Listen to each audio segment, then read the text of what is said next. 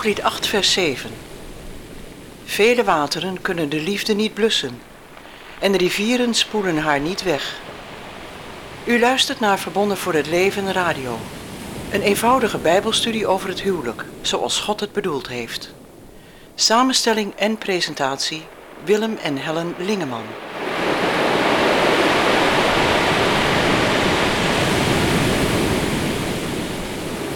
In deze tweede aflevering willen we nadenken over het thema Het huwelijk een verbond.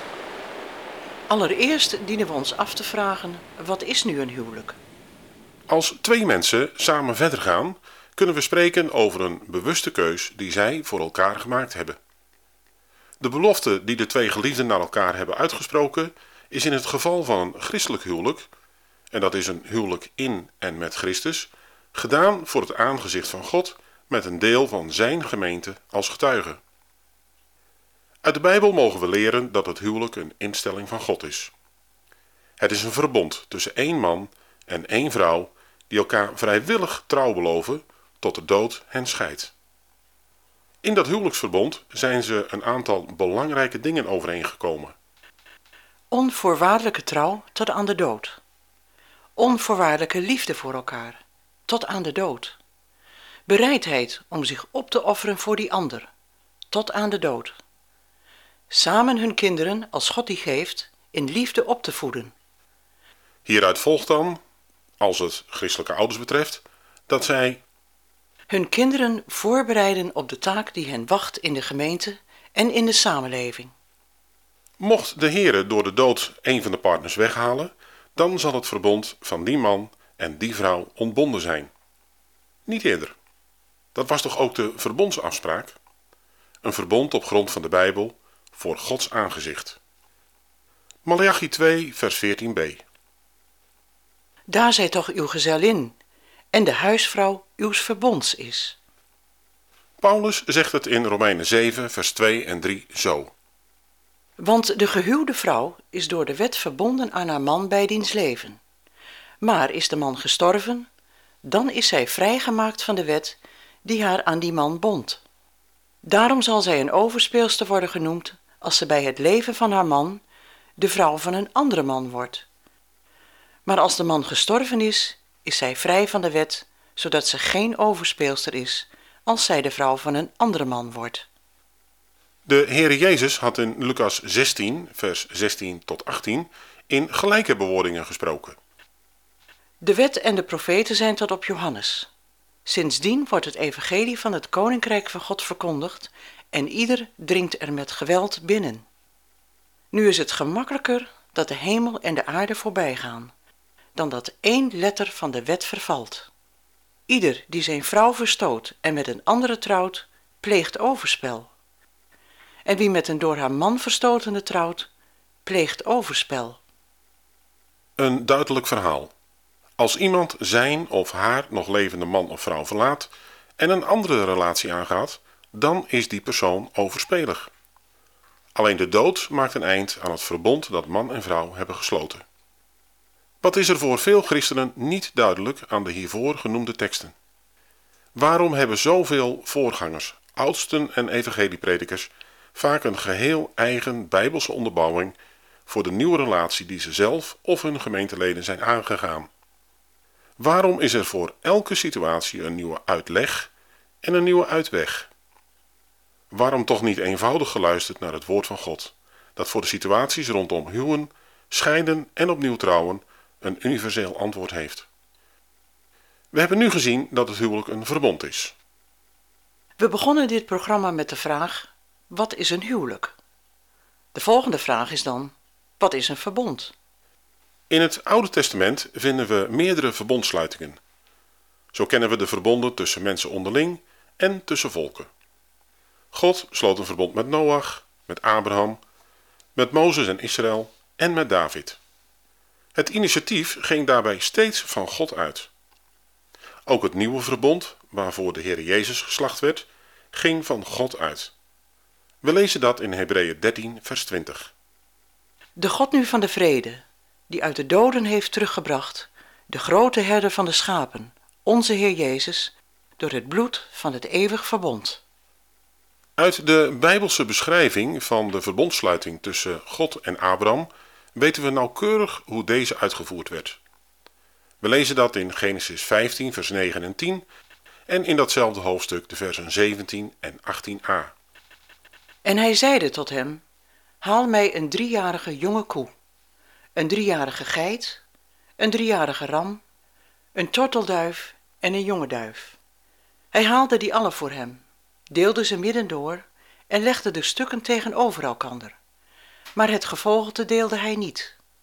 Toen de zon was ondergegaan en er dikke duisternis was, zie, een rokende oven met een vurige fakkel, welke tussen de stukken doorging. Te dien dagen sloot de Heere een verbond met Abram. Wat gebeurde hier nu eigenlijk? God sloot een verbond met Abraham. En daar hoorden rituelen bij, die iets uitbeelden. Deze rituelen gaven in ieder geval het volgende door. Ten eerste, zoals die twee delen van dieren een eenheid vormen, zo vormen wij, die tussen deze stukken doorlopen, in dit nu gesloten verbond een eenheid.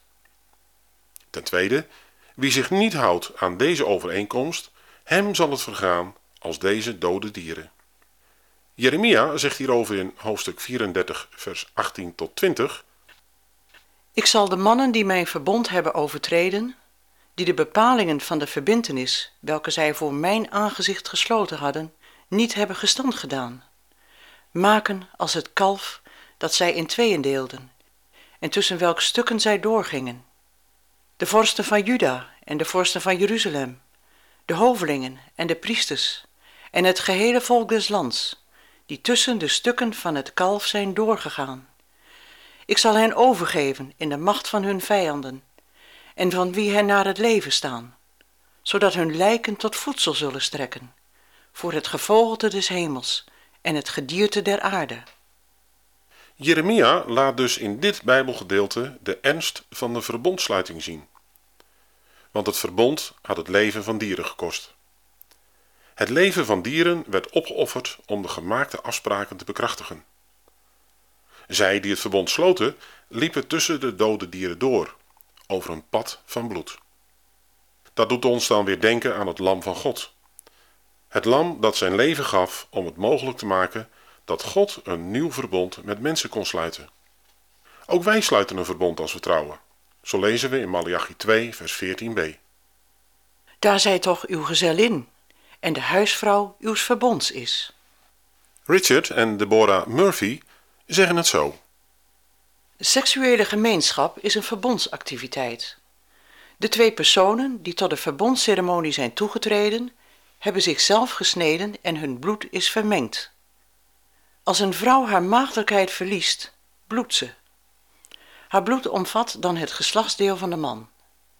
De man is in haar bloed, met haar vlees aan beide zijden van hem, net zoals de twee partijen het bloedverbond binnengingen. Dus telkens als een echtpaar geslachtsgemeenschap heeft, herhalen en vieren ze het door hen gesloten verbond.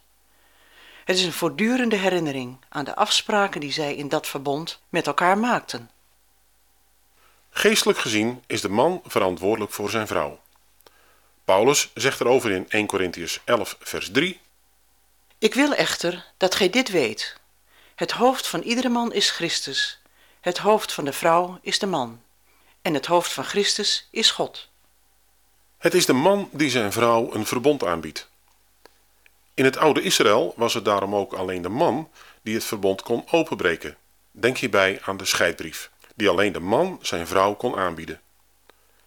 We komen hier in een van de volgende uitzendingen op terug. De vrouw bood haar man tijdens de huwelijksrituelen een bruiloftskleed aan. Na zijn sterven zou het zijn doodskleed zijn. Daarin zou hij worden begraven. En zo beginnen we al een heel klein beetje zicht te krijgen op het huwelijk als voorbeeld van de relatie tussen de Heer Jezus en zijn bruid. Het verbond dat van God uitging en dat hij sloot met zijn gemeente moest bezegeld worden met het bloed van de Heer Jezus.